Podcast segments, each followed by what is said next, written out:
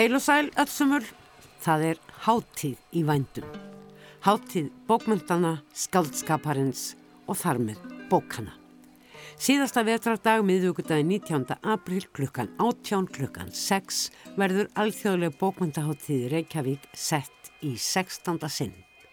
Það verður Lilja Alfredsdóttir menningar og yðskiptar á þeirra sem setur háttíðina formlega en opnunar ávarpið flytur að þessu sinni ástrálskiri töfundurinn Hanna Kent sem sló í gegn hér á landi fyrir tæpum tíu árum með skáldsögu sinni Náðarstund um örlög Agnesar Magnúsdóttur, síðustu konunar sem tekið var að lífi í refsingarskinni á Íslandi og Jón S.T. Stefánsson þitti.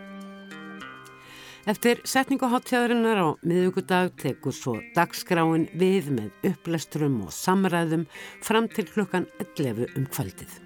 Hér á eftir verður litið yfir dagskrána og dregin fram brot úr umfjöllunum þáttarins orðum bækur um einhverja þeirra 28 höfunda sem koma fram á háttíðinni, 11 íslenskir og 17 erlendir, ef ég hef talið rétt.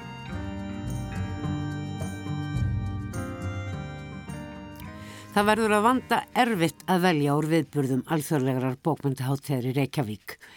En strax að lókinni setningaratöfninni á síðasta vetrardegi rullar dagskrána stað með kunnulegum hætti.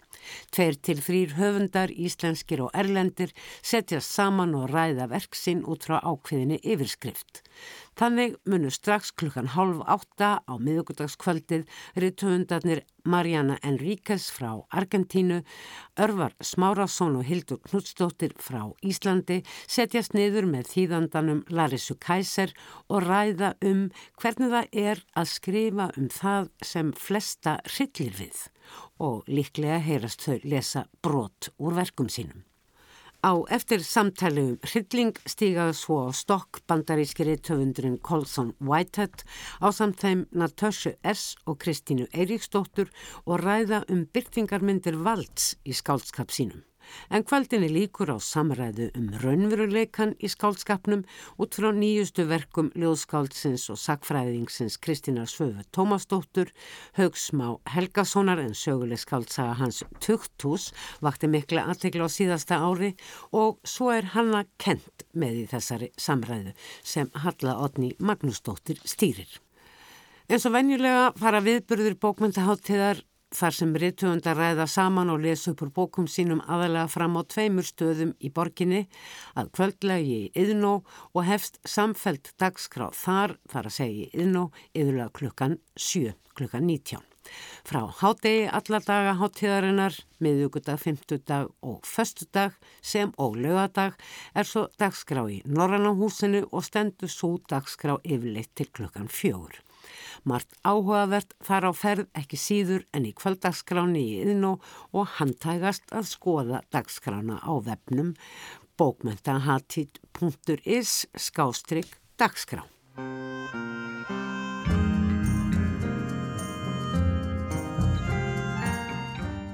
Það er sérlega skemmtilegt að sjá hvernig yngri skáld og riðtöfundar raða sér meðal reynslu meiri höfunda á bókmyndaháttið í ár. Aug áður nefnds Örvas Smárássonar eru þær Benny Sif Ísleifsdóttir, Eva Björg Ægisdóttir og Júlia Margrit Einarsdóttir meðal gesta háttíðarinnar en þær hafa allar á síðustu árum vakið aðteglu og náð miklum vinsældum með sögun sínum. Og það má ekki gleyma handhafa íslensku bókmyndavelununa 2023 Gunnlegi Petro Garþía sem tekur þátt í pallborði um frásagnargleði en ekki hvað. Á samt áður nefndri Benny Sif og breska meðsöluhöfundunum Jenny Kolgan og er stóra spurningin þar hvað þarf til að húka lesandan eins og þessum höfundum tekst að gera. Það verður öruglega spennandi fyrir marga að hitta Jenny Colgan í eigin personu næstkomandi föstudagi í Yðnó, jafn vinsærar sem bækur hennar um litla bakaríið og litlu bókabúðina hafa verið sem og ymsar fleiri enda Jenny Colgan sendt frá sér hátt í 40 bækur og líklega óhætt að segja að hún láti sér ekkert mannlegt óviðkomandi, stort sem smátt. Bókaútgáðan Angustúra var stopnud árið 2016 og strax árið eftir tóku bækur eftir Jenny Colgan í þýðingu Ingunar Snædal að renna frá þeim. Jafnvel fleiri en ein og fleiri en tvær á ári.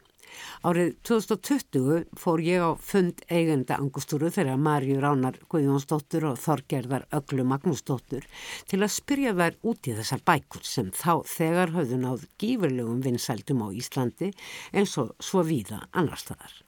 Svarið var einfalt til að reka bókaútgáfu þarf ástríðum. Ástríða nærist á ánægu og þess vegna ákváðu þær Marja Rán og Agla að leita uppi bækur til útgáðu sem þar sjálfar hefðu gaman af. Ég verðilega að gefa öllu allan kreditinn af kolkan. Sko okkur langaði að gefa út bækur sem að við sjálfar hefum mjög gaman að og svona bækur sem að okkur fannst sko vanda í raun og veru í flórunna. Og þá svona fóru við kannski bara í svona sitt hvort hodnið í raun og veru annars vegar sem sagt með Jenny Kolka sem er svona kannski það sem almenntir tali vera svona léttara efni og, og svo hins vegar með þessar sem að flesti þekkja sem bækur í áskrift sem eru bækur sem, sagt, sem að hérna eru, eru meira svona alvarleiri bókmyndir mm. og, og hérna eru eftir höfund að fara svona fjarlægari hótnum heimsins mm. og þetta tvent fannst okkur svona vanda inn í Þótt Þorgerður Agla sé ekki lengur önnur angústúran, heldur hafi horfið til annara verkefna, þá eru báðar þessar stóðir bókaútgáðunar angústúru sannlega enn í blúsandi gangi.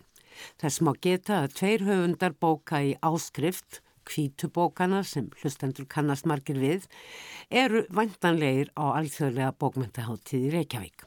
Annars vegar Mariana Enríquez en smásagnasafnið Allt sem við mistum í eldinum í þýðingu Jóns Halls Stefánssonar var eina bókum í áskrifti fyrra og sömuleiðis vann þakklátti flottamæðurinn eftir hérna írunsku Dínu Næjeri í þýðingu Bjarnar Jónssonar. En svo áður kom fram verður Mariana Enríquez í pallborðið þar sem rætt verður um hrylling í bókmentum á samt þeim Hildi Knútsdóttur og örvari smárasinni. En smásagnarsafn hans, Svefngríman, kom einmitt líka út hjá Angústúru í fyrra. Mariana verður svo líka í pallborði með Braga Ólafsinni og Alejandro Palomas og munu þau ræða um það að skrifa um hluti og aðstæður sem vita má að veki lesendum óþægindi. Aðdáendur Braga þekkja þetta vel, innilokunar kendina og óþólið gagvart klaufaskap sögupersona hans Reyndar þekk ég ekki til óþægilega heita í verkum Alejandro Palomas þótt bókaútgáðan Drápa hafi á allra síðustu árum gefið út einar fjórar bækur eftir hann í þýðingu Sigrunar Ástriðar Eiríksdóttur. Móðir heitir svo fyrsta Hundur, Ást og Sónur minn.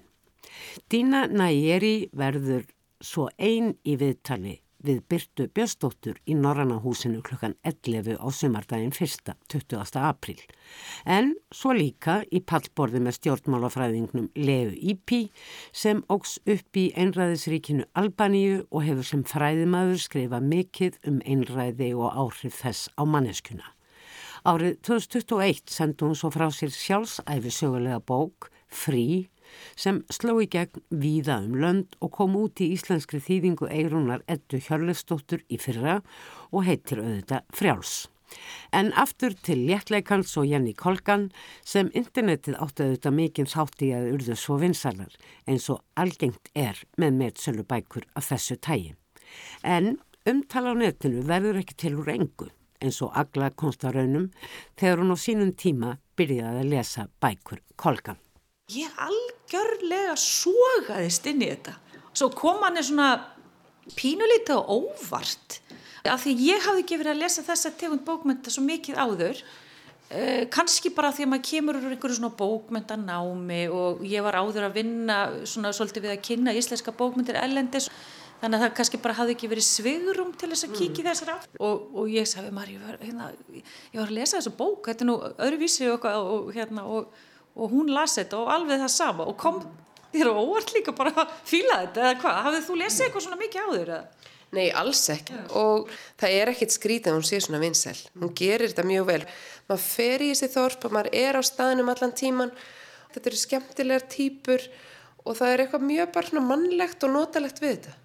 Talum við um að þetta hafi komið ykkur á óvart hvað í rauninu þetta er vel gert og ég fann nú ekki á netinu mikið af bókmynda gaggrinni í blöðum og tímaritum en eitthvað þó um hinnar uh, ólíku bækur þetta eru fjölmargar bækur sem hún hefur gefið út um Jenny Colgan, hún er mjög dögleg en gaggrinandi New Scotsman saði meðal annars um bókina Ströndin endalösa að hún væri betra en hún þyrta að vera. Já Þannig að sko, fyrri bókin í þeirri sériu, eða fyrsta, er Sumareldusflóru og svo er það Ströndin endalösa og svo Fjallæri Strönd. Ég hef myndið hugsað, hún er orðin betri hvað sem það nú þýðir. En svo þú talaðir um sko, í nýjustu bókina sem hefur verið að fjalla um sko, flótamenn og, mm. og, og, og Sýrland og svona.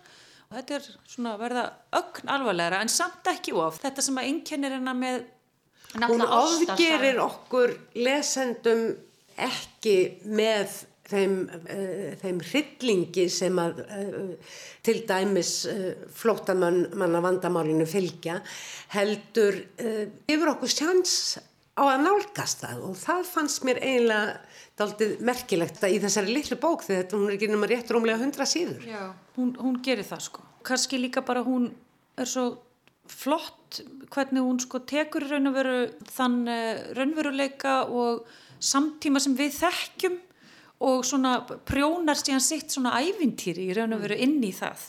Að því að allt eru þetta sögur, ástarsögur en ekki bara ástarsögur heldur líka sögur um konur sem eru svona svolítið að finna sig finna sinn stað og, og læra svona að treysta á sig mm. og byggja sig upp. Það eru sjálfstæðar, það er ekki einhver karlmaður sem kemur og bjargar þeim eða kaupir eitthvað fyrir þær, þær bjargar sér sjálfar og þær eru bara svona sterkar konur en samt líka bara svona mm. vennilega konur. Þannig að maður getur bara, maður getur sett sér í þessi spór og þær eru fyndnar því að þær eru mjög mótsagnarkendar hún er líka ekki að taka þessu of alveglega sko. Þannig að þetta verður svona svolítið flippað á köplum sko. Alveg, sem er líka skemmtilegt. Mm. en það er líka hluta því að minna mann á að þetta er líka ævintýri. Í ævintýri má gera alls konar svona eitthvað sem að maður hugsa, er þetta nú sennilegt? En svo hugsa maður, þetta er er, þetta er Jenny. Mm. Svo náttúrulega hefur hún átt önnur líf sem reytöfundur, hún hefur skrifað mér að segja fyrir Dr. Who sem var sumir, sumir þekkja sko. Vitið þið hvernig þessa bækur hafa elst? Þetta er náttúrulega ekki lagt upp með þetta sem klassík. Nei, alls ekki held ég. Kanski mynd af tíðaranda. Eh, það sem ég hef lesið fyrir utan það sem við höfum gefið út, já það er svona sumt sem maður hugsa bara, ég held hún myndi ekki skrifa þetta í dag. en, en alveg skemmtilegt en kannski svolítið svona sumt er hérna svolítið svona pinguliti gróðara kannski sumt en um leið svolítið svona bara flippara mm. þetta eru svona konur sem líka hafa gaman að lífinu þannig að þær kannski fara á bæjarkrána og þú veist þetta eins í það og lendi einhvern þannig æfintyrum sem að margir líka kannast við sko. Personurnar flakka líka á milli bóka eru ímist aðalpersonur eða aukapersonur Já, það er samt sko, að því að sagt, aðalsagan er alltaf um þessa einu típu sko, en svo þegar hún með stingur inn einhverju svona aukabók, að þá, ég held hún hafi bara viljað gefa sæf lækninum bara meira rými mm. og lornu. Það hefur kannski bara orðið svona starra inn í hérna aðalbókunum þeirra samband og það er kannski ekki bara passað alveg inn í hennar því það eru nú alveg nógu langar fyrir sko, hver og einn mm. og það er ekkert ofsögum sagt að íslenski lesendur hafa gleift þessar bækur í sig. A alveg sko, það er bara frábæra smótökur hún er alltaf líka að finna nýja og nýja lesendur Sáðu þær Þorgerður Agla Magnúsdóttir og Marja Rán Guðjónsdóttir árið 2020 um ljúf skemmti æfintýra höfundin Jenny Kolgan sem er gestur á alþjóðlega bókmyndaháttíð Reykjavík sem hefst á miðvíkudaginn kemur.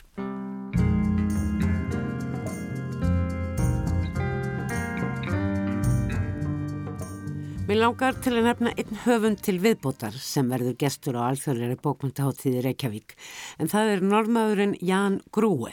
Jan Grúi er mentaður málvísindamadur og hefur sérhaft sér í rannsóknum á orðræðu menningarlegurar félagsfræði í tengslum við virknihömlun sem Grúi þekkir vel að eigin raun verandi haldin vöðvarýrnunar sjúkdómi og háður hjólastól í sínu daglega lífi. Engvstaðar hefur þó réttöfundurinn blundað en hann tók í byrjun þessarar aldarað stúdira við réttöfundaskóla Asihúks forlagsins norska og sendi árið 2011 frá sér sína fyrstu skálduðu bók, smásagnarsafnið Allt unner kontroll, sem fekk góða dóma. Fleiri smásagnarsafn fylgdi í kjölfarið sem á barnabækur En það var ekki fyrir árið 2018 að grúi sló rækilega í gegn með bókinni Ég lefur ett líf som líknir deres, ég lefi lífi líku ykkar sem hann til fjölda veluna í Noregi og var tilnæmt til bókmyndarveluna Norðurlandarás árið 2019 og af sjálfu leiðir fjallað um hana á þessum vettfangi.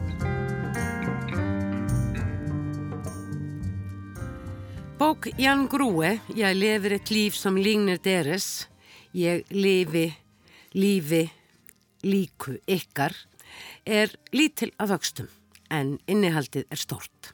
Tekstin er léttleikand en um leið hnittmiðaður og á stundum er heimsbyggileg nálgunin eilitið flókin. Hér er á ferðinu nokkuð óvinnilegt bókarkorn, blanda af sjálfsæfisögulegum minningum og margvíslegum, heimsbyggilegum, félagslegum og siðferðislegum hugleðingum. Og allt ber þetta undir titilin Levnets beskrífelsi, sem sangant norsk-íslenskru orðabók þýðir einfallega æfisaga. Saga æfi Jan Grúi er þó ekki öll þar sem hún er séð, þótt venjulegt ágrip hennar hljóði líkt og svo mörg slík. Og nei, kannski er ekki rétt að kalla æfi ágrip Jans Grúi óskup venjulegt því hér er greinilega sérstök hæfileika manneski á ferð. Í þessari frásögn af lífi sem ákvarðast af sjálfgeðfum vöðvarýtnuna sjúkdómi sem Jan Grú er haldinn gerir hann tilrönd til að koma orðum að tilveru sem í hans augum var æfinlega á hverju augnabliki eins eðlileg og hugsa skatt. Enda var það hans tilvera og hann átti enga aðra.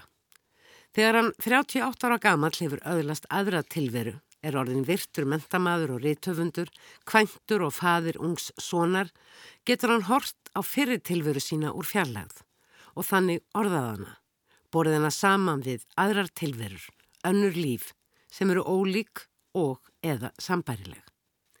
Jan Grúi átti góða að, foreldrar hans gerði allt sem í þeirra valdi stóð til að gera honum lífið eins gott og eðlilegt og framast var hægt. Þau voru vel mentuð, ekki fátæk og í Noregi var á síðustu áratugum 20. aldar öll þjónusta við fatlaða augljóslega afar góð og byggð á margvíslegum rannsóknum sem Jan Grúi meðal annara tók þátt í. Við vinslubókarinnar fór Jan Grúi gegnum allar skýslur varðandi sjúkdómsinn, aðgerðir og aðstóð að hálfu hins ofnbera og þótt hann sé þakklátur fyrir alla þá aðstóð er hann líka afar gaggrinn á þá grundvallar hugsun helbreyðiskerfisins að það sé næjanlegt að líf fallaðs einstaklings verði bærilegt en ekki að það verði eins gott og almennt og mögulega geti hugsast. Í tengslum við samskiptum við þið ofnbæra gerir hann hlutgerfingu sína sem skjólstæðings meðal annars ítrekkað að umræði efni í bókinni og vittnar þar meðal annars til rittgerðar franska hugsuðarins Michel Foucault um allsjána eða panoptikum og það innibyrða valdbóð um rétta hegðun sem einstaklingur þróargakvart sjálfum sér út frá yfirlýstu eftirliti yfirvalds hvort heldur þetta eftirlit er til staðar eður ei. En það gæti jú verða. Það er erfitt að verða manneskja undir eftirliti stopnana því það sem stopnunin ekki sér og skilgreinir er ekki viðukent að sé til.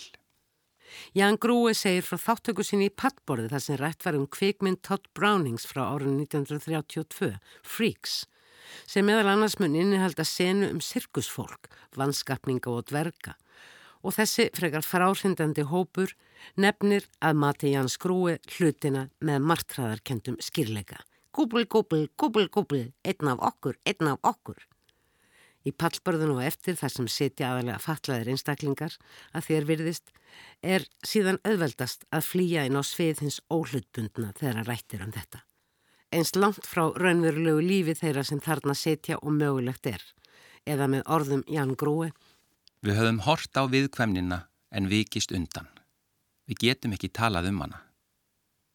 Á eftir stöndum við og spjöllum við þá sem tóku þátt í pallborðinu og við vini sem höfðu komið til að hlusta.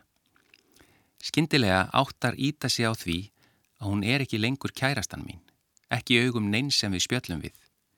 Ég siti í hjólastólunum og hún stendur við hliðin á honum og það þýðir að hún er aðstóðamaður.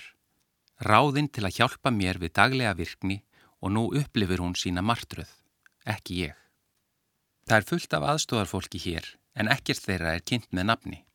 Stundum er sagt, oftar en einu sinni, þetta eru hendur mínar og fætur og það á ekki vera fyndið heldur pólitísk fullirðing og þeir sem staðhæfa slíkt álita sig framsækna.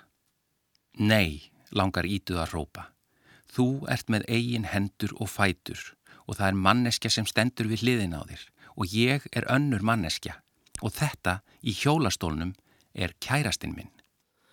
Jan byður kærustunum að hafa ekki hátt, hér sé hvorki staðin í stund, þótt hér sé einmitt bæði staður og stund til þess að tala opinskátt og binda enda á villandi myndkverfingar eins og Jan Grói orðar það. Að undirskipa hugveruna er skipun um að axla ábyrð án þess að hafa tekið ákvörðun þar að lútandi sem að endingu leiðir til innibyrðar sektar sem verður að skömm. Skömm af sjálfum sér vegna þess að maður þarnast hjálpar en getur aðeins með þessari hjálp verið virkur í samfélagi sínu og annara og skömmin brist fram með einhverjum hætti eins og að Jan Grói íhjóður í bóksinni.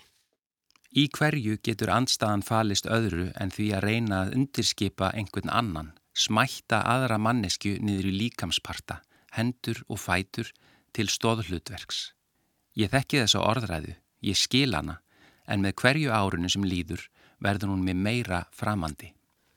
Með skrifum bókarinnar Ég lefur eitt líf sem lígnir deres gerir Ján Grúi að verkefni sínu að skapa aðra orðræðu, annar tungumál.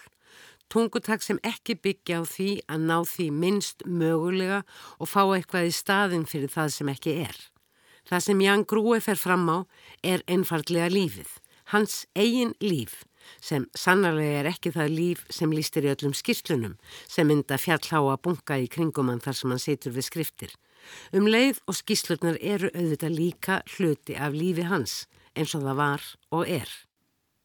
Þessi skjöl segja ekkert sem ég treysti.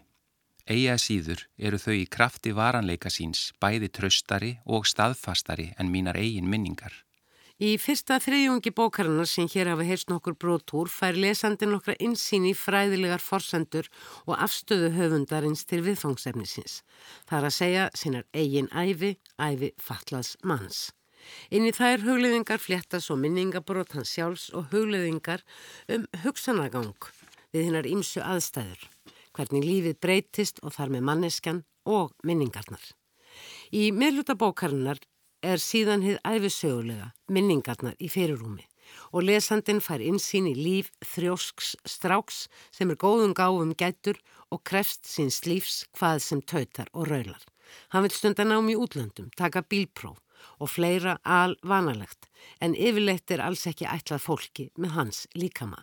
Og Ján Grúi tiltekur fjölmörg dæmum sjálfans í bensku á æsku árum sem og auðvitað á fullorðins árum og líkur frásöksinni og hugleðingum mitt í sínu nýjasta lífi, lífi með fjölskyldu og sinunum Alexander sem var kveikjan að skrifum bókarinnar ég lefur eitt líf sem lígnir deres. En er þó sannarlega eins og lesandin hefur komist að raunum allt öðruvísi líf en það sem er flest lifum. Þetta er líf sem krefst margvíslegar þjálfunar og mjög nákvæmra áallana um nánast hverja aðtöfn og áform. En um margt er líf Jans Grúi líka nákvæmlega eins og líf mitt eða þitt hlustandi góður. Líf fullt af draumum, átökum, segurum og uppgjöf, sorg og gleði í heimi sem skildi vera fyrir okkur öll en er það kannski ekki. Engin spurning að Jan Grúi hefur með Ég lifir eitt líf sem lífnir deres skrifað mikilvæga bók fyrir velferðarsamfélag okkar. Mikilvæga bók fyrir okkur sem spyrjum aldrei hvort rými sé fyrir okkur í þessu samfélagi meðal allra hinna, sem og fyrir þá sem af allskins orsökum spyrja þeirra spurningar. Pólski rittöfundurinn Eva Macinek sem hefur skeipað sér í fremstu röð rittöfund á Íslandi sem eiga sér annað móðurmálinn íslensku hefur uglast oft spurt sig hvernig næ ég að vera með í íslensku samfélagi, íslensku bókmyndalífi. Og á sunnudaginn eftir viku munu hún og Ján Grúi setjast niður í Norranna húsinu og ræða um það að tilheyra samfélagi. Alþjóðli bókmyndaháttíð Reykjavík tegir sig svo líka út fyrir þessi tvö höfuból sín yðn og Norrannahúsið í Reykjavík og jáfnvel út yfir sett tímamörk því sunnundaginn 23. apríl, daginn eftir að smiðsökið hefur verið reykjað á háttíðina með bókaballi yðn og má annars vega bregða sér í kaninuhóluna í Stangarholti 20 en kanninuhólan er eins og segir í dagskrá bókmyndaháttíðar fortbóka veröld staðsett í bílskur á áðurnemdu heimilisfangi. Og sunnundeginum munu þær Þórti Skísladóttur og Guðrún Eva Mínervudóttir lesa þar upp úr verkum sínum. Einnig á sunnudeginum verður svo sameinlegur viðburður alþjóðlegarar bókmyndaháttíðar í Reykjavík og konubókastofu á Eirarbakka. En þessi sama og samkomu staður bókmenta eftir konur er til húsa við tungutu tíu á Eirabakka og fagnar tíu ára afmælum þessar myndir. Það var bókmyndafræðingurinn Rannveig Anna Jónsdóttir sem með opnun stofunar árið 2013 vildi sapna saman á einn stað bókum eftir konur og standa fyrir viðburðum um skáldskap þeirra, auk þess sem stofan skildi reglulega opinn gestum og gangandi til að setjast inn og lesa. Í sapni Kvennabókastofu standa nú tæplega 3000 bækur eftir 600 höfunda eins og segir á heimast síðu Konubókastofu og þetta eru verk frá ólíkum tímum eftir því sem ég kemst næst. Harpa Rún Kristjánsdóttir, ljóðskáld og bondi er einhvers konar viðburðar stjóri sjálflegar bókmyndaháttiðar í tilhefn tíu ára ammælis konubókastofu á Eirabakka sem er hluti af samlæginu bókabægirnir Östan Fjalls. Harpa Rún er í símanum En hann kannski fullt mikið sagt að ég sé viðbyrðarstjóri þarna en ég er í stjórn konubókastofu og hef svona aðeins fengið að taka þátt í að skipilegja þess að afmælis hátíð, máttuðar meir. Það er svona yfirskrift hátíðarinnar og þetta er svona tíu ára afmæli og máttuðar meir eru þetta vísun í Helgu Kress sem er nú eina af þeim sem hefur kannski lift íslenskum kvennabókmyndum hvað mest mm. og við Anna báðar gamlir nefnendur og, og hérna lítum mikið upp til hennar þannig að þetta skiptir máli. Nákvæmlega, en þetta er hvort sem að þú ert viðbröðstjóri eða ekki eða einhver annar eða ég verði alls engin, þá er þetta heilmikil dagskrá sem ekki er sístaklega að höfða til batna og ungst fólks ekki satt. Jú, einmitt, en svona einu hugmyndunum var að hérna, opna konubókastofu svolítið fyrir einmitt yngri kynnslóðinni og, og svona sína bæði börnum og ungu fólki að, að hérna, það er alls konar skemmtilegt í kringum bækur og texta og sköpun og hátíðin stendur í heila viku, byrjaði lögadaginn 15. með rappnámskeiði hjá Reykjavík dætrum. Svo höldum við bara áfram, það er semst á sumardaginn fyrsta er síðan svona baðstofu upplæstur á konbókstofu sjálfri sem að við svona reyna að endurvekja þessa stemmingu og fólk er hvað til þess að koma með eitthvað svona tóvinnu með sér og svo verður ég lesið upp, þetta var bara ymmit eins og í gamla dag, ég er að, ég er að óska mér þess að eitthvað kom með rock sko. Já, þannig maður heyrir svona rockin stígin undir lestrinum. Linda Ólafsdóttir ætlar að vera þarna með einhver dagskránlið. Hérna, Linda Ólafsdóttir, teiknari og, rítvöndur, hún hérna verður með svona krakkanámskeið eftir háti og lögadaginn hún er náttúrulega teiknað í margar bækur og, og gefið bækur sjálf þannig að það verður svona já, eitthvað svona bókagerðarnámskeið býst ég við mm -hmm. og svo í, kjölfarið af því er jókanámskeið, svona bókatengt fjölskyldu jóka sem hún Eva Alladóttir jókakennari frá Salfossi verið með þannig að þar verið bæði lesið og, og gerðar jókastöður. Svo endar lögardagskvöldið verður svona ákveðin hábúndur hjá okkur líka sko því að þá erum við með eh, konukvöld Ekki bara bóka ball í Reykjavík heldur líka Já, þetta er svona fyrir þá sem að hérna, fá ekki far á bókaball sko. Þeir geta komið á konukvöldið í Rauðahúsinu á Eirabakka og við kallum það Leindardóma Indisþokkans mm -hmm. eftir gammalli kennslubók fyrir konur sem er til í konubókastofu þar sem maður verið aðeins svona að kenna konum hvernig það er eiga að haga sér og vera svolítið settlegar og, og við viljum að lesa eins úr henni. Og síðan koma þær eldklárar og eftirsóttar. Sá gjörningahópur og, og verðum með uppstand og, og lesur bókum sínum og heiðavegdís sem er höfundu getnaðar einn af þeim, það er að lesa úr, úr sínum bókum og síðan verður tónlist og alls konar veitingar og gjafabókar og þetta verður bara rosa skemmtilegt. og það er náttúrulega allir velkomnir hvaðan ef að af landinu ef að vinkonahópar viljið taka sér saman og koma höfn eða, eða úr Reykjavík. Endilega, það er bara meðarsala á, á tux.is og eins og segi það verða veitingar á kvöldinu sjálfu en svo er þetta náttúrulega í sama húsnaði og rauðahúsið þannig að það er alveg upplagt að skella sér út að borða og, og koma svo konukvöld. En mitt, en svo tengið ykkur við alþjóðlega bókmyndahátið í Reykjavík. Hvernig kom það til? Sko við vorum svona tvístíðandi með það hvort ætti að halda upp á þetta á afmælinu, þetta er bara svona eins og að halda batna afmæli, maður veit aldrei hvort það á að vera afmælstæðin eða um helgi eða hvað, uh, vegna þess að það byrju upp á þessu sömu helgi. En svo ákvaðum við bara að það væri styrkur að, að hérna, nýta það að það væri bókmyndaháttíð og svona stemming í gangi og höfðum samband við skipilegindur og aðtöðum hvort þær vildu, vildu leika við okkur. Og það er náttúrulega sannlega til það því að hápunkturinn er ammælisvislan á sumdeginum og þá kemur hann að kenn og sumulegði svona Þórun Valdimarsdóttir. Það er náttúrulega að hafa skrifað svolítið um sumur hluti þannig að það er eflust einhverjir snertiflitir en við ætlum bara að hafa svona, svona spjall og sjá hvert það leiðir okkur Þórun eh, sendi í árið 2021 frá sér bókina Bærin brennur síðasta aftakan á Íslandi og þetta er jú hluti af söguefnu hannu kent, ekki satt? Einmitt, hann er kent allar alltaf að vera þekktust fyrir náðarstund þó hún hafi yfirslega skrifað fleiri bækur sko.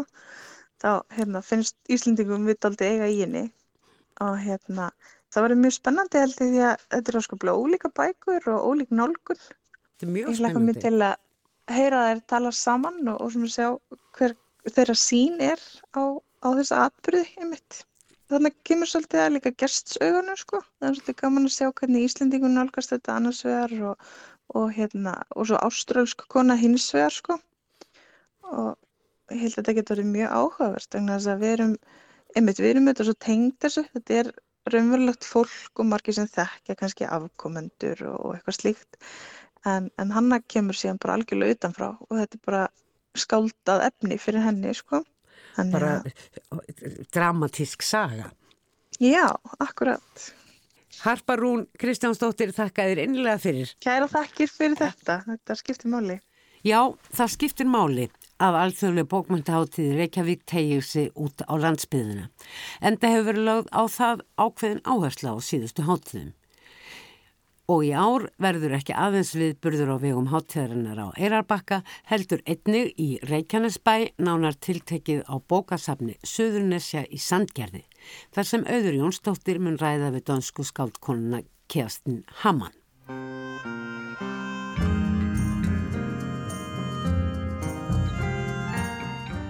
Það skal viðurkent að á dagskrá alþjóðlegar bókmyndaháttíðar í Reykjavík í ár er einn viðburður sem höfðar sérstaklega mikið til mín. En klukkan þrjú á sömardaginn fyrsta í Norrannahúsinu er á dagskrá háttíðarinnar viðburður sem ber yfirskriftina Viðtal og upplestur. Gerður Eliasson í samtali við Haldur Guðmundsson og eins og segir í dagskráháttíðarinnar mun hér eiga sér stað stórviðburður í íslensku menningalífi þegar einn sterkasta rödd íslenskra samtíma bókmenta Girðir Eliasson kemur fram í fyrsta sinn í langan tíma. Girðir er sannarlega einn okkar höfunda sem hefur helgað sig skáldskapnum. Eftir hann likja nú þegar rúmlega 40 frum saman verk ljóð, sögur og söpn stittri prósaverka auk þar sem gerðir hefur þýtt bæði ljóð og sögur eftir ymsa höfunda. Tilvera listamannsins, sköpunar þörfin með allri sinni ákjefð, indi og erfiði hefur oft verið umfjöllunarefni gerðis og svo er honum náttúran ákallega hugleikin. Þetta tvent fléttast oft saman í verkum hans eins og til að mynda í þríleiknum sem hófst með sandárbókinni og fjallarum málara og var síðan framhaldið í nóvelinni Söðurglukkin um réttöfund og síðan í Sorgarmassinum þar sem aðal personan vinnur fyrir sér við tekstagerð um leið og tónsmíðar eiga hug hans allan.